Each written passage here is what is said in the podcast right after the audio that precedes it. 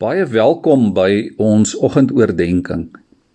Petrus skryf in hoofstukke 3 en 4 van sy 1 Petrusbrief nogal baie oor lyding.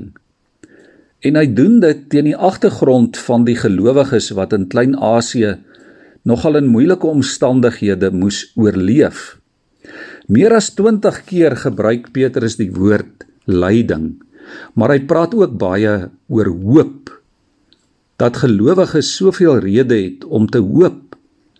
Petrus wil gelowiges en ook vir jou en vir my aanmoedig om aan te hou en vas te hou aan hoop. Om altyd onder alle omstandighede te bly hoop, selfs al beleef ons lyding en teenkanting. Dit is so ironies dat die heidene juis die Christene in Petrus se tyd gehaat het en die lewe vir hulle moeilik gemaak het omdat die Christene soveel hoop gehad het. Die feit dat Christene mekaar liefgehad het, die feit dat hulle goed gedoen het aan ander, het hulle ongewild gemaak by die wêreld. Hulle het gelei omdat hulle goed gedoen het. Dalk klink dit nie vanmôre baie logies nie, want oor die algemeen kan 'n mens dink en voel, maar as ek goed doen, dan moet mense mos van my hou. As ek ander help, dan moet ek mos geprys en geëer word. Maar ons weet ook dis nie noodwendig waar nie. En dit moet ook nie die motivering wees vir ons liefde en vir die goeie dade wat ons aan ander doen nie. Hoor wat sê Petrus 'n hele paar keer. In Hoofstuk 3 vers 14 sê hy: As julle moet ly omdat julle doen wat reg is, moet julle dit as 'n voorreg beskou. Moenie vir mense bang wees of julle laat afskrik nie. Hoofstuk 4 vers 16 Wanneer iemand ly omdat hy 'n Christen is, moet hy hom nie daarvoor skaam nie. Inteendeel, as draer van daardie naam moet hy God verheerlik. Hoofstuk 4 vers 19 Die wat ly omdat God dit wil, moet hulle lewe toevertrou aan die getroue Skepper en aanhou om goed te doen hoofstuk 4 vers 12 en 13. Moenie verbaas wees oor die vuurproef waaraan jy onderwerp word nie. Wees liewer bly hoe meer jy deel in die lyding van Christus, want dan sal jy oorloop van vreugde by sy wederkoms in heerlikheid. Sjoe, liewe vriende, dis geweldige woorde. Petrus sê ook hier Christene leef nie wanhoopig nie. Ons staan nie sonder hoop in hierdie wêreld nie. Nooit nie. Dit maak nie saak wat gebeur nie. In Christus wie se naam ons dra, het ons 'n lewende hoop.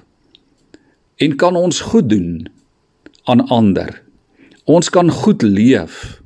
Ons kan liefde bewys. Ons kan die evangelie uitdra ten spyte van wat ook al. Liewe vriende, jy en ek leef vandag in 'n tyd waar die wêreld rondom ons hierdie getuienis van ons lewende hoop nodig het. Ons mag nie saam met die wêreld moedeloos word oor die COVID-19 pandemie nie.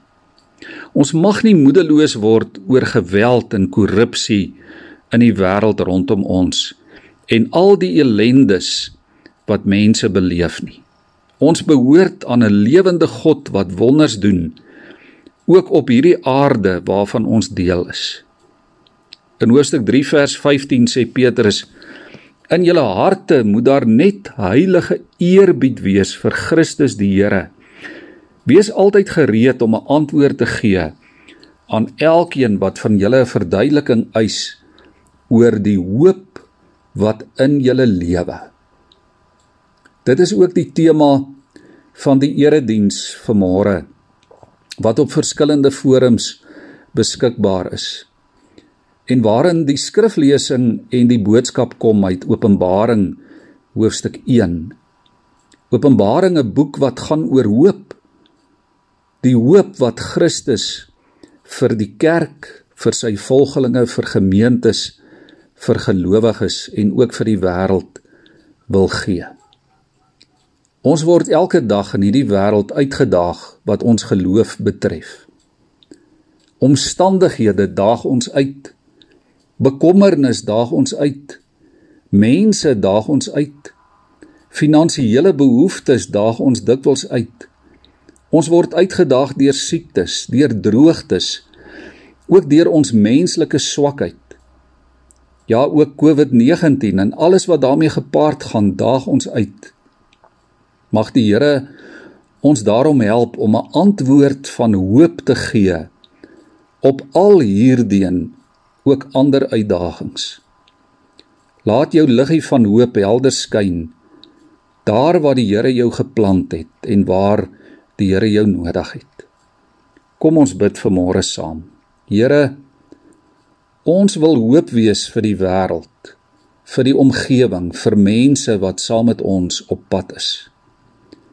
Help ons deur u Gees daarmee. Rus ons toe met u krag en met u woord.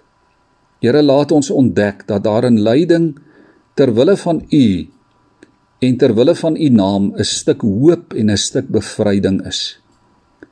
Maak ons U hande en U voete en laat ons onthou Here dat U al klaar die pad geloop het. Die pad wat ons loop en laat ons net in U voetspore volg. Amen.